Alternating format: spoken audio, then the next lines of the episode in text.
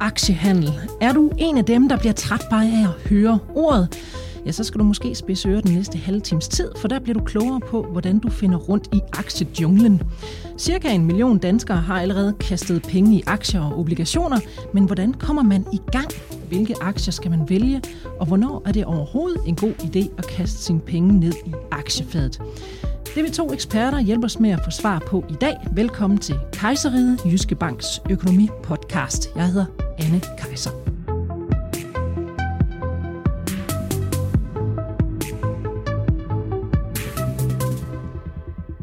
Og den første gæst i øh, studiet i dag er sociolog og foredragsholder, og har udgivet en lang række bøger om aktier og investeringer. Det er dig, Sara Ophelia Møs. Velkommen til. Tak skal du have. Og Saren, lad os lige øh, starte sådan helt fra bunden. Øh, hvem er det, der vælger at investere i aktier? Kan man sige noget om det? Øhm, jeg tænker, man kan sige, at det ikke er nok øh, på nuværende tidspunkt, men at der er rigtig, rigtig mange, der gerne vil. Øh, det har måske tidligere været forbeholdt en, en lille særlig skare, eller nogen, som havde særlig gode forudsætninger for at, at, at kende til det. Øh, men det bliver heldigvis mere og mere udbredt. Og nu hørte vi jo lige her i starten, jeg læste op, at det var en million, der lige på nuværende tidspunkt øh, investerer i aktier. Hvad, hvor meget er potentialet, kan man sige, for, for hvor mange, der kan komme til at investere? Alle over 18. Alle over 18? Alle over 18. Og det, det er potentialet. og, men jeg tænker også, at den million der, den dækker jo også over alle dem, der har øh, fået Novo Nordisk i dåbsgave eller har medarbejderaktier. Så det siger måske ikke så meget om, hvem der reelt er, øh, altså investorer sidder med det selv. Så der er nogen, der kan man sige er sådan lidt passive øh, aktieholdere, eller hvad sådan noget hedder? Øh, ja, når man ser passiv på det her felt, så, kommer, så sætter det en masse tanker øh, i gang hos folk, som, som ikke, måske ikke er det, vi snakker om her, men, men måske mere bare nogen, der, øh, der fylder uden at egentlig at tænke sig selv som investorer. Og hvis man så øh, ikke er en af dem, der, der har fået en aktie, eller selv har investeret i, i en aktie eller flere, øh, kan man så sige noget om, hvor mange penge man skal, man skal have til rådighed for at kunne gå i gang med aktiehandel? 100 kroner. Er det, det, det? det, er jo, det er jo mit uh, standpunkt. Jeg ved, at der er mange, der er uenige med mig, men, men hvis man har 100 kroner, man kan afse om månedens investering, så er der mulighed for at gøre det. Hvordan gør man det? Uh, der kan man bruge June. Uh, der, der er to af de her robo-advisors, der går ned til 100 kroner. Jyske Moneypot, uh, der kan man starte fra 200 kroner. Og hvad, og hvad er det? Øh, de... uh, Robo-advisors, det, er, det fungerer typisk på apps, uh, så både på app, og nogle af dem har også en, en, en, en webversion. Um, og der, der svarer man på en stribe spørgsmål og bliver tildelt en risikoprofil, og så kan man godt vælge en anden, hvis man synes, at der var en anden, der passede bedre til en. Uh, og så kan man bede en robot i gåsøjne om at gå i gang med at investere på ens vegne. Så det er en, en app, der faktisk hjælper en med at få placeret ens penge i nogle aktier? Ja, og det her med risikoprofil og sådan noget, øh, de, de her øh, fagord, kan man sige, mm. dem kommer vi også øh, tilbage til. Yes. Dem kommer vi tilbage til lidt senere. Men altså, for 100 kroner, øh, til 100 så, så, så, så kunne man faktisk godt komme i gang med ja. at, at smide penge efter aktier. Lad os byde velkommen til programmets næste gæst. Det er dig, Ib Fredslund, økonom i Jyske Bank. Velkommen til. Tak skal du have. Og Ib, du er jo en sand ekspert i hele det her aktiejungle, halløj. Og øh, jeg kunne godt lige tænke mig at høre dig. Hvad, hvad vil det egentlig sige at, at investere i aktier? Hvad, hvad sker der med de her penge, de her før omtalte 100 kroner, som Sara nu står med? Når man køber en aktie, så, så låner man egentlig penge til, til en virksomhed, kan man sige. Øhm, så man investerer i virksomheden. Virksomheden får ens penge og kan så øh, bruge dem til at investere for og producere for. Og så skulle man selvfølgelig helst gerne få, få noget igen for at låne pengene til, øhm, til den her virksomhed. Det får man jo ved, at øh, enten at virksomheden måske betaler, udbetaler det, der hedder aktieudbytte, sådan en form for rente, kan man sige, eller at kursen på ens aktier, de, øh, de stiger, så får man jo også en, øh, en kursgevinst der. Men i princippet så er det penge, som man stiller til rådighed, man låner ud til en virksomhed, og øh, så regner man selvfølgelig med at, øh, forhåbentlig at, at få mere igen, end det, man, øh, end det man udlånte. Og hvor meget skal man egentlig vide om aktiemarkedet for at kunne gå i gang med at investere? Altså jeg tror egentlig, det vigtigste, når man skal øh, investere i aktier, det er egentlig at sørge for, at man får spredt sine investeringer lidt, fordi Øh, der er jo ingen, der vil komme ud for det her med, at pludselig så har man investeret, man har købt en aktie i en virksomhed, der så er gået konkurs, og så er pengene altså helt, helt tabt. Så det er ikke fordi, man behøver at vide en hel masse omkring aktienøgletal og ting og sager. Og nogle af de løsninger, som der er blevet, som der er blevet nævnt her med de her robot advice, Moneypot, der behøver man i princippet ikke vide så meget, fordi der er nogle andre, der foretager investeringen for en. Så det er ikke sådan, at man skal have aflagt en eller anden investeringsprøve for overhovedet at kunne starte på at investere. Det er vel mere, hvis man sådan helt selv vil øh, pleje sine investeringer og bestemme, hvad skal der nu investeres i. Men de her mere passive løsninger, eller robo-advisor, nu skal kalde dem, der behøver man ikke at vide øh, så meget i virkeligheden. Og så kan man godt være sikker på, at, at de penge her, man øh, så smider efter de her investeringsapps, at, øh, at de er i gode hænder. Det kan man i, i princippet. Selvfølgelig kan man ikke være sikker på nødvendigvis, at når så stiger, så stiger kurserne helt sikkert.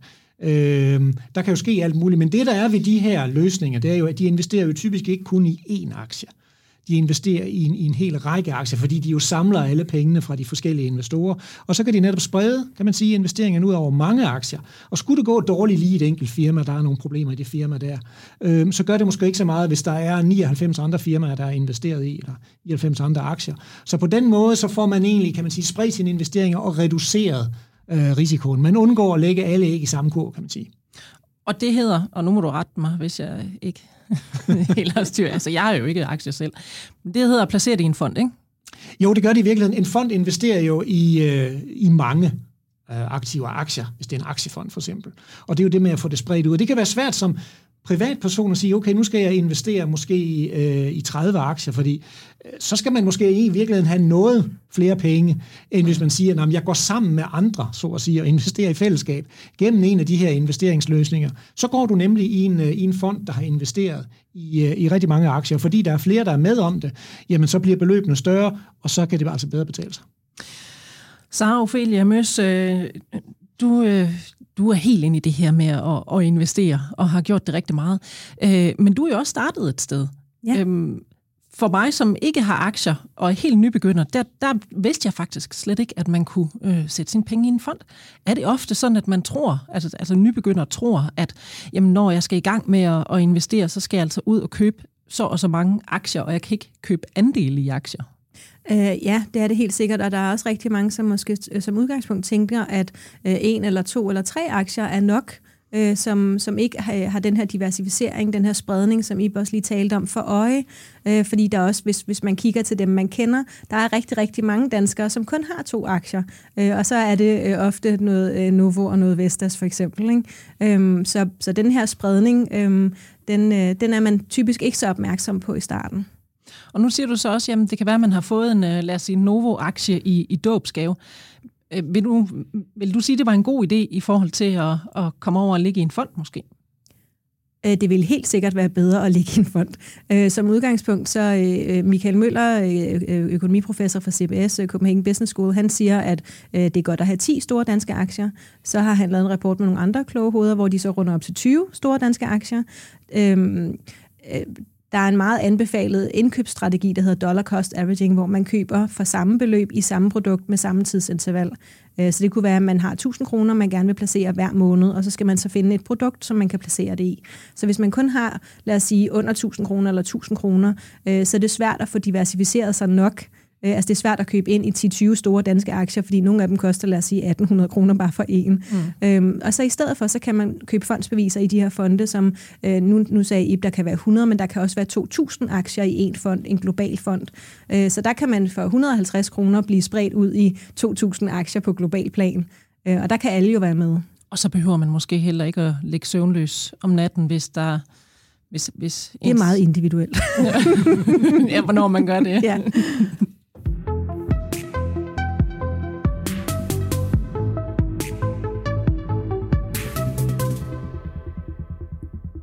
Knap en sjettedel af danskerne har som sagt allerede investeret i en større, eller, investeret en større eller mindre sum penge i aktier, men øh, der er altså stadig mange af os, som ikke aner, hvordan man kommer i gang.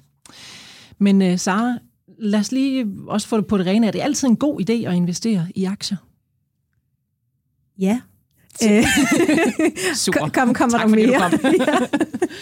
ja. øh, altså, det kommer jo an på, hvor... Øh, øh, nu, jeg har de her to investor communities på Facebook, der hedder Kvindelusen Investeret Aktieklubben Danmark, og der, der, der stiller øh, folk øh, helt almindelige spørgsmål, øh, som det der hver dag. Mm. Øh, og der var en, der skrev øh, forleden, vi har øh, 50.000 kroner, vi skal øh, lave noget nybyg om øh, tre år, øh, hvad skal jeg købe for dem. Mm. Jeg vil gerne investere. Øh, og, øhm, og det er jo ikke nødvendigvis smart, så, så mit svar til det øh, er og var, øh, hvis du vil være ked af kun at have adgang til halvdelen af de penge om tre år, øh, så er det måske bedre at vælge en øh, bankkonto, hvor du kan få, øh, lad os sige, 0,7 procent øh, mm. i, i den tid. Øh, med mindre at du tænker, at du om tre år, øh, hvis der så kun står 50 procent, hvis vi nu kommer ud i en ny krise, og der kun står 50 procent efter tre år, har du så tid til at vente yderligere tre år på, at den kommer op bare på mm. niveau igen? Øh, fordi der er ikke nogen garantier. Øhm, så, så det afhænger ekstremt meget af ens tidshorisont og ens fleksibilitet. Hvor fleksibel er du med de her penge? I Fredslund, øh, som øh, økonom for Jyske Bank, vil du så sige, at det er altid en god idé at, at investere penge i aktier?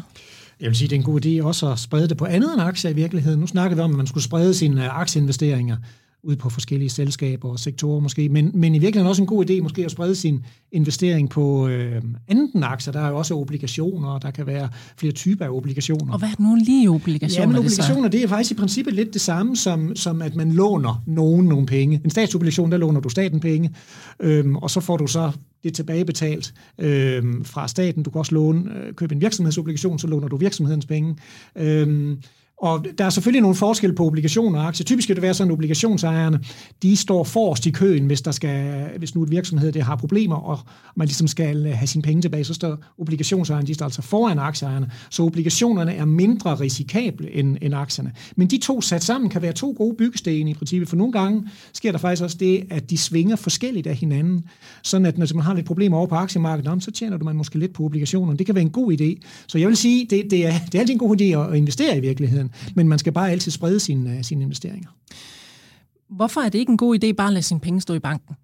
Jamen det, der jo sker, det er, at øh, vi ved, at renterne er lave i øjeblikket, og øh, det betyder, at man får ikke ret meget i rente. Men samtidig ved vi godt, at der er noget inflation, og det kan jo så betyde, at i virkeligheden, så bliver dine din penge mindre værd.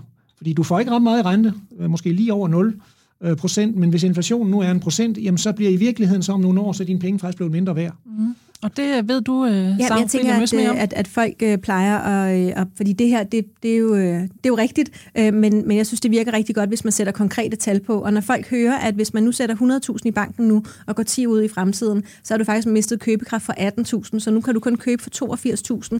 Det ligner, der står 100.000, men du kan kun købe det, som, altså, som koster 82.000. Øhm, så så det her med at få nogle konkrete tal på, det har jeg en oplevelse af ofte hjælper folk til at forstå øh, begrebet inflation. Så på 10 år, der taber man faktisk 18.000 18 bare ved ja. at lade pengene ja. gøre noget. Ja. ja, det er jo fordi, de, alle mulige andre varer, de stiger jo i pris, og derfor mm. når du så vil gå ud og, og købe de samme varer, som du, som du gjorde, øh, da, du, da du satte pengene ind, jamen, så kan du i virkeligheden ikke, øh, så har du ikke råd til at købe alle de varer, fordi at øh, varernes pris er steget mere, end du egentlig har fået i rente. Sara, Ophelia Møs, kvinden bag Ophelia Invest. Du øh, hjælper jo øh, folk, helt almindelige danskere, der, der står, som du sagde også før, jamen vi har nogle penge, hvad skal vi gøre ved dem? Øh, hvad, hvad plejer du at, at, at sige, hvis folk øh, spørger dig, hvordan finder man ud af, hvor mange penge man sådan skal gamble med? Gamble med? okay, hvor mange penge man så skal investere i aktier? Nu kalder ja. det gamble, fordi man lægger jo pengene ud Øh, man ved jo ikke, hvad der kommer til at ske med de her Ja, men jeg her. tænker, at det der med, at det er gambling, måske er en myte, fordi hvis man, som, som både Iber og jeg har været inde på, hvis man spreder sig nok, hvis man køber ind, hvis man måske laver en, noget rugbrød af de her øh, brede globale fonde, øh, og så et par, hvis man har flere penge til rådighed end de her 1000 kroner om måneden, bygger lidt øh, enkelt aktier ovenpå fra øh, C25, altså de 25 største danske virksomheder, øh, og laver lidt pålæg af det, og så mm. kan man jo krydre det, hvis man har en eller anden lille raket, som man, øh, som man synes er interessant. Men hvis man laver den opbygning, så er det ikke gambling. Øh, fordi hvis, man, hvis alle de penge skulle forsvinde, så ville det betyde, at hele verdensmarkedet var gået i stykker. Øh, og så er vi måske ligeglade med, om vi havde mistet ja, de der 100.000. godt være, at vi ja. havde lidt andet at gå og bøvle ja, med. Ja, lige præcis. Så, så jeg vil hellere sige, at det er jo vigtigt, at man har øh, nok penge til, at man kan øh, fikse vaskemaskinen og bilen og alle de der ting, der kan gå i stykker på, på daglig basis, så man har, man har sine penge til, at, til de ting, der nu kan opstå i hverdagen. Øhm, og at hvis man så ellers er fleksibel, og jeg tror nok, det er, sådan, at det, jeg tænker er key her, at hvis man er fleksibel i forhold til sin opsparing, altså at det er okay. Øhm, der, der er mange, der snakker om det her med, at du skal kun investere de penge, du har råd til at miste, og det synes jeg er lidt misvisende, fordi at det indikerer over for os, at det er gambling.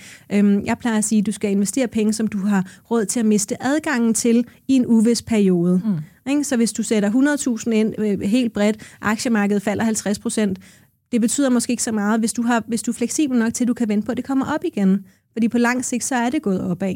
Øhm, så jeg vil mere sige, det, at, at det er sådan, man skal se på det. Ha' penge nok til, til hverdagen, øh, og så investere de penge, som du mener, at der er en fleksibilitet omkring. I Fredslund, øh, er det også sådan, du, øh, du tænker på det, når folk de spørger dig, hvor mange penge skal jeg øh, sætte i aktier? Jamen, jeg tror egentlig, det er utrolig vigtigt, at man, man starter med at så få fundet ud af, jamen, hvordan er jeg egentlig som investor? Få afklaret det. Fordi vi ved også, at mennesker er forskellige. Der er nogen, der, der har rigtig meget mod på risiko. Der er rige, der er fattige mennesker. Og derfor er det i virkeligheden vigtigt at få fundet ud af, hvordan er jeg som investor? Hvad kan jeg, hvad kan jeg tåle at tabe, og hvad er min horisont? Hvornår skal jeg bruge pengene? Så sætte sig nogle mål med det. Og det er jo det, der egentlig hedder at, at lave en risikoprofil. Det er jo egentlig det, vi laver allerførst, når vi møder nye investeringskunder. Vi Jysbank, siger, okay, lad os lige finde ud af, hvordan er du egentlig som investor? Når vi så har fundet ud af det, øh, jamen, så kan vi meget bedre finde ud af, okay, øh, hvordan skal du egentlig investere? Og hvad går, man, altså, hvad går man ind og kigger på, når man skal vurdere folk øh, i forhold til risikovillighed? Jamen, man går ind, ind og, og for, det første, for det første ser på, okay, øh, hvor mange penge har du at investere for? Hvor vigtige er de penge, du skal, du skal investere for? Hvornår skal du bruge de her penge? Altså, er det noget, du skal bruge om tre år, så skal du selvfølgelig være mere forsigtig, end hvis det første er om 15 år. Øhm, og så går man selvfølgelig også ind og øh, ligesom spørger til, jamen, hvor stor udsving kan du acceptere? Så som så er man inde på, jamen øh, kan du tåle, at dine investeringer falder 20-30 procent? Øh, og måske også spørge, hvordan vil du så reagere i, i den situation? Så når man har været igennem hele den der proces, så har man et meget bedre billede af, okay, hvordan er du som øh, investor? Fordi øh, det er klart, er man super nervøs for, at det, det falder bare en lille bitte smule, jamen så skal man nok ikke i hvert fald investere så meget i aktier. Eller så skal man i hvert fald finde nogle mere øh, sikre aktier i virkeligheden. Og så skal man måske også hælde nogle obligationer i kassen også. Så har du har en kommentar der? Ja, øhm, det her med, øhm, hvordan man øh, kommer til at reagere sådan helt følelsesmæssigt på det. Jeg plejer faktisk også at sige, øh, køb et eller andet. Øhm, køb en enkelt aktie eller et enkelt fondsbevis, så har du det inde i dit depot, øh, og begynder at kunne øh, lære dig selv at kende som investor. Fordi der skal faktisk ikke særlig meget mere end, end bare en enkelt lille bitte aktiepost til. Øh, det der med, når den kommer ned i de røde tal, og der står, at man har mistet 30 procent, øh, det bliver enormt nærværende, også selvom det måske kun er 10 eller 20 kroner. Øh, de der procenter, de, øh, altså, de laver virkelig tricks inde i hjernen på en. Mm. Øhm, så, så det er faktisk det, det første, jeg plejer at sige, det er at købe et eller andet, så er du i gang, også i gang med at lære den platform, du har valgt at kende. Hvis det nu var Jyske, øh, Jyske Banks øh, hvad hedder det, online platform, i gang med at lære den at kende og lære dig selv at kende. Og, øh, og Ib, jeg ved også, du har også nogle gode øh, ordsprog i forhold til, øh, til det her med at investere i aktier. Blandt andet den, der, der siger, man skal ikke forelske sig i en aktie, for det er ikke gengældt. Nej, det er selvfølgelig en gang imellem, så kan man jo godt synes, at det her det er et super selskab, og jeg, jeg kender godt selskaber, det er deres produkter, og det er, det er super godt, og øh, der må jeg købe en aktie, fordi det må der i hvert fald stige. Og så sker der så måske det, at aktien den ikke stiger, og begynder at falde, og så begynder man måske ligesom at komme med undskyldning og sige, ah, men det er måske også, fordi de lige er lidt uheldige her i foråret, og det skal nok komme tilbage. At man i virkeligheden øh, tilgiver aktien en hel masse. Og det er jo lidt farligt, fordi at det kan være, at man bare har fået fat i en, i en rigtig dårlig investeringshistorie. Så der skal man altså måske kigge lidt mere nøgtern på det, og også være villig til at sige, okay, jeg må altså tage min tab her, fordi øh, det, det fungerer ikke for det selskab. Og hvis øh, man nu, lad os sige, var, var rigtig stor fan af af FCK. Øh, det gik måske dårligt på det tidspunkt, og, og Brøndby, der gik det simpelthen så super godt. Så vil du også øh, rådgive folk til, jamen så må du simpelthen bide det sure æble, og så købe Brøndby-aktier i stedet for, eller hvad? Ja, nu tror jeg, man skal kun købe fodboldaktier, hvis man er stor fodboldfan. Fordi fodboldaktier, de flyver altså all over the place. Så, så det er nok ikke sådan, øh, det må man ikke finde super mange af sådan i, øh, i investeringsporteføljerne. Så dem vil egentlig sige, at du skal, hvis du rigtig godt kan lide klubben, jamen så kan du godt købe nogle aktier i den. Men sådan som investeringsobjekt, der, der er, det, er de nok ikke sådan lige det mest optimale. Jamen, så hvis vi ser på noget andet end, øh, end lige præcis øh, fodbold, øh, ja, hvad kunne, det, hvad kunne det ellers være? Hvad kan man ellers investere i, som der så også kan være tilknyttet nogle, øh, nogle følelser? Øh, men det skal man, man skal ikke lade sig styre af følelser så, nej, når, det, når nej, det kommer til nej, aktieinvesteringer. Det, øh, det skal man ikke, for som du siger, jamen det er ikke, det er ikke gengældt. Øh, der sker jo også typisk det, at, at, at man måske ligesom, som jeg sagde, man, man finder undskyldninger for, hvorfor det ikke går godt for selskabet, og tænker, ah, men det skal nok også, det skal nok også gå, vi giver det lige lidt tid. Øh, der skal man nok anlægge sådan en lidt mere rationel vinkel og sige, jamen, øh, jeg skal jo gerne have mine penge igen, og, og det her, den her virksomhed, øh, det skal gerne fungere, det den laver. Hvis det viser sig, at den er simpelthen på vej ud af en tangent, jamen så kan det også være, at jeg skal trække stikket på et, øh, på et tidspunkt. Og hvis så vi kigger på, øh, hvordan det ser ud i, i Danmark, og vores, øh, vores, ja, det er det, vi sådan set investerer vores penge i øh, i Fredslund. Hvad er det så, vi, øh, vi oftest køber aktier i i Danmark? Jamen, jeg tror, vi køber aktier i de ting, som vi, øh, som vi kender måske. Øh, man opererer faktisk med det, der hedder home bias. Det vil sige, danskere de køber rigtig mange danske aktier, tyskerne de køber mange tyske aktier, og svenskerne køber mange svenske aktier osv. Og egentlig er det lidt tosset, ikke? fordi det er jo ikke, der er jo ikke en naturlov, der siger, at danske aktier er altid det bedste i verden, eller svenske aktier. Men vi kan godt lide at købe aktier i, i ting, vi, øh, vi kender, og der er det selvfølgelig meget almindeligt, kan man sige, at vi kender, vi kender danske virksomheder, fordi dem hører vi om i nyheder, når vi møder dem måske i vores, i vores hverdag. Øhm, så derfor så er det typisk sådan nogle ting, som, øh, som man køber aktier i. Det er lidt vanskeligt, man kan selvfølgelig også godt købe aktier i kan man sige, lad os sige, det var Apple for eksempel, fordi man kender, øh, man, kan, man kender produktet, men der findes jo også en masse aktier, hvor man, hvor man udenbart siger, jeg kender overhovedet ikke navn, men det kan være super gode aktier i virkeligheden. Men almindelige investorer kan godt lide at købe noget, man kender, så at sige. Har du det også sådan, uh, Sara Ophelia Møs? Øh, ja, altså, men jeg synes faktisk, det er sådan lidt, øhm, øh, at det er lidt skræmmende, fordi for eksempel Vestas, som øh, er en dansk folkeaktie, der er rigtig, rigtig mange, der har den. Hvis man kigger på dens grafkurve øh, i hele dens øh, levetid, øh, så laver den sådan nogle forfærdelige udsving, hvor at den har kostet 27 kroner, og så stiger den til 500, og så falder den til øh, 50 kroner. Øh, og jeg tænker, hvis man nu havde købt der på toppen, jeg ville jo simpelthen øh, kaste op af, at det ville være så forfærdeligt, hvis det var, at man havde mistet så mange penge. Og alligevel så bliver folk ved med at købe Vestas, og bliver ved med at tænke, at det er en af de aktier, som er gode at have i ens portefølje, og det er det altså ikke nødvendigvis. Det er slet ikke, ikke noget dårligt om Vestas, og det de har gang i, og, og det hele det uh, tema, altså øh, hvad hedder det, vedvarende energi og så videre. Men, men der er jo andre aktier end Vestas. Der er jo altså, der er 25 at vælge imellem i, af, de, af de største danskere. Mm. Øh, og hvis man, øh, hvis man kun har Novo og Vestas, øh, så, altså, så er ens risiko øh, helt... Øh, så banker ja, øh, afsted deroppe Ja, lige præcis. Det, det, der, det kunne give rigtig god mening at prøve at få nogle flere øh, øh, forskellige sektorer ind. Øhm, og, og det kunne så, altså der er energi, og der er teknologi og finans osv. Og øhm, jeg har en historie, jeg plejer at fortælle, når vi snakker diversificering, når jeg holder foredrag. Øh, jeg mistede, eller jeg, øh, mit, mit depot på, øh, gik ned 30.000 på et par timer. Øhm, en, ja, en dag. Uh, det var den 26. november 2017, hvor at der var en, en sektorrotation, fandt jeg ud af, det hed, fra tech over i finans. Så en, en masse af de store, øh, altså store banker og pensionsselskaber, de flyttede en masse penge på én gang fra tech-sektoren over i finanssektoren. Jeg havde rigtig mange tech-aktier, Øhm, hvis jeg havde haft lige så mange finansaktier, så det tab, jeg havde haft i, det ene, øh, i den ene sektor, det havde jeg haft som, øh, som stigning i den anden sektor. Øh, og det synes jeg bare gav mig sådan et rigtig fint billede af, at jeg var meget, meget eksponeret, fordi jeg havde så mange tech-aktier. Øh, og i virkeligheden ville det have været rigtig godt, hvis jeg solgte halvdelen og købte finans for dem. Ikke? Øhm, så købte jeg så også en finansaktie bagefter. Ikke?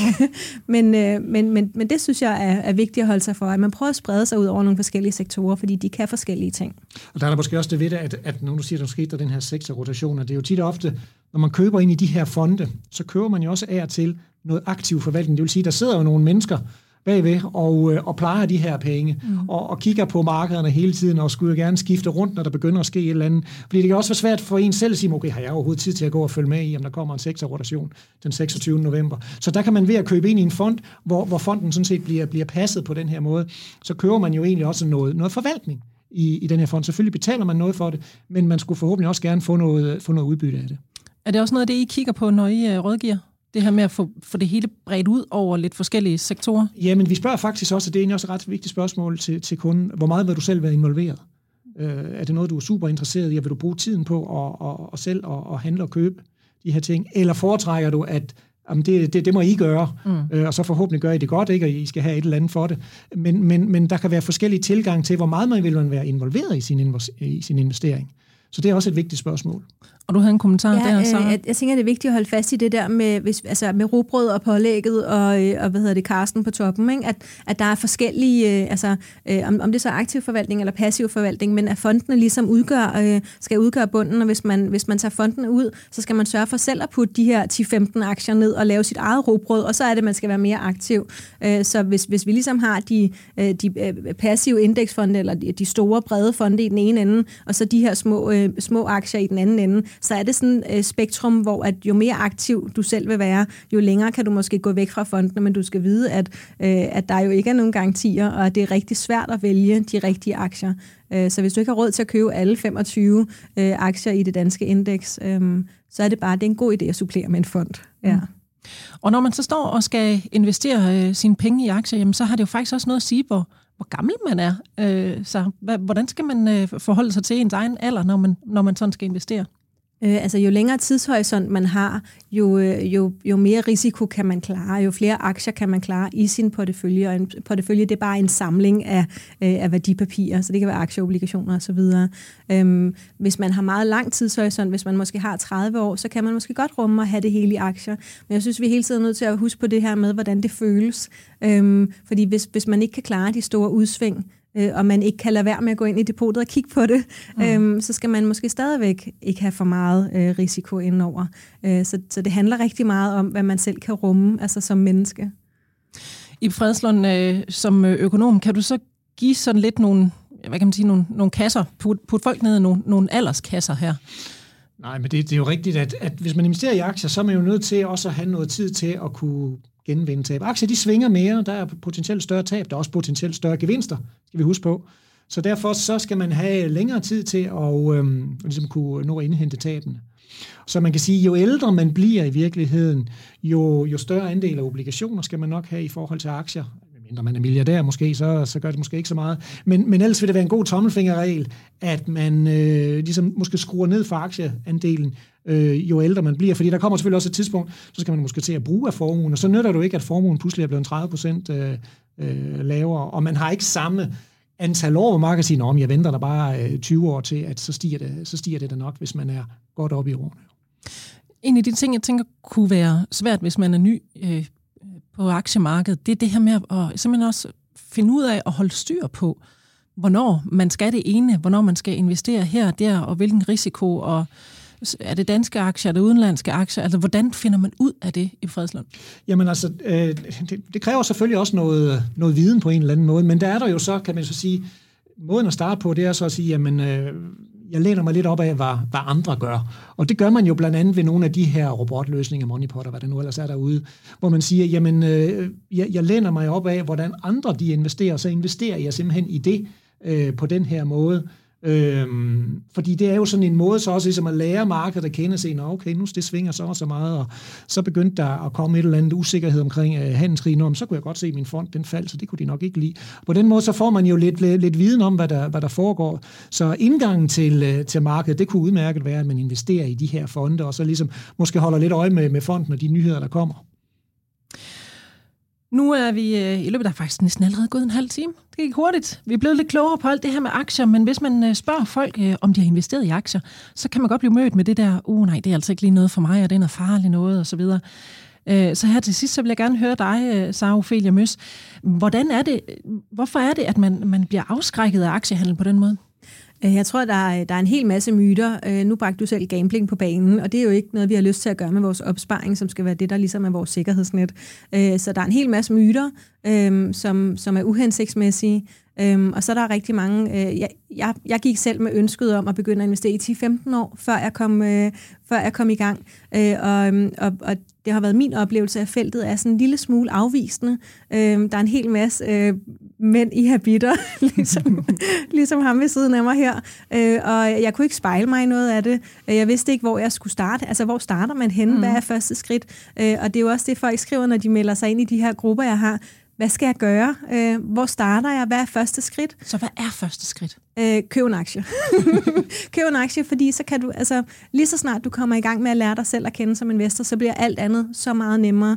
Øh, og så sæt dig ned og find ud af, hvor meget tid har du, du gerne vil bruge på det. Er det lørdag eftermiddag, eller en dag i sommerferien, eller to timer hver aften? Hvor mange penge har du? Er det 500 kroner om måneden? Er det 5.000 om måneden? Eller er det 250.000, du har arvet eller fået fra noget ejendom? Mm. Øhm, hvor lang tid kan du undvære de her penge? Øh, og så om du har nogle særlige præferencer. Går du ekstremt meget op i bæredygtighed eller et eller andet andet, som betyder noget for dig. Øh, men jeg synes, det, det smarteste er simpelthen bare at komme i gang. Køb et eller andet, bare for 100 kroner, øh, og så læg den her, øh, gå ind og, og, og finde ud af de her ting bagefter. Og så siger du, køb en aktie. Ja. Men det er jo ikke noget, vi gør nede i kiosken. Øh, nej, så man, øh, man vælger øh, en platform, så det kan være en online børsmæler, eller det kan være Jyske Bank. Øh, jeg tænker, mange af dem, der lytter med her, har måske Jyske Bank. Så man går ind i Jyske Bank eller et andet sted øh, i sin egen bank øh, og opretter et depot, øh, altså indikerer, at man gerne vil begynde at investere. Øh, og så er det sådan en relativt øh, øh, hvad hedder det, tilrettelagt proces, øh, mm. som der også er meget tydelighed omkring. Øh, alle er interesseret i, at vi investerer, så vi får meget hjælp i den proces. Overfør nogle penge, vælg et eller andet. Og det vil jo også betyde, hvis man for eksempel får lyst til at investere så vil man typisk spørge en, sin rådgiver, og så skal rådgiveren jo også nok fortælle, okay, hvis du vil investere, jamen, så er der de her fem ting, du i hvert fald skal, øh, skal, skal overveje.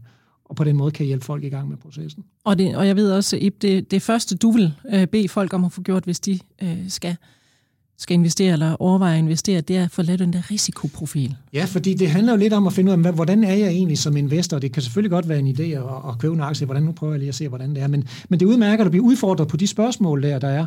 Jamen, øh, hvordan er du egentlig? Hvornår skal du bruge pengene? Hvad, hvad er øh, din holdning til, når det svinger? For alle de der ting fastlagt, fordi så ved man lidt bedre, okay, så skal jeg nok mere gå i den her retning på, på aktiemarkedet, i stedet for, at der er jo tusind retninger. Mm. Og hvor glad er du i, i bund og grund for din nattesøvn, ikke? Jo, jo, det, det er rigtigt, men altså, man kan altså også godt sove, øh, sove godt om natten, selvom man har nogle, øh, selvom man har nogle aktier. Det synes jeg også, I har fået øh, rigtig godt frem, at det er slet ikke så slemt, det her med aktieinvestering, og jeg håber altså, at dagens program har givet dig mod på at kigge på aktiemarkedet. Hvis, altså noget, du har, det, hvis det er noget, du har lyst til, nu er der i hvert fald ikke nogen... Øh, grund til at lade være. Undskyldningen kan ikke være, at man ikke ved, hvordan i hvert fald. Og det er jeres fortjeneste, Ip Fredslund, økonom øh, fra Jyske Bank. Tak for besøget. Tak. Og også tak til dig, øh, Sara Ophelia Møs, sociolog og iværksætter af Ophelia Invest. Tak fordi du øh, komme forbi. Tak. Der er flere økonomiske råd til dig igen om en uge her i Jyske Banks økonomipodcast Kejseriet. Og hvis du har lyst til at kontakte Kejseriet med idéer eller kommentarer, så kan du gøre det på mailadressen, der hedder anne og kejserlyd, det staves k e j s e r lyd. Jeg hedder Anne Kejser. Tak for nu og på genhør.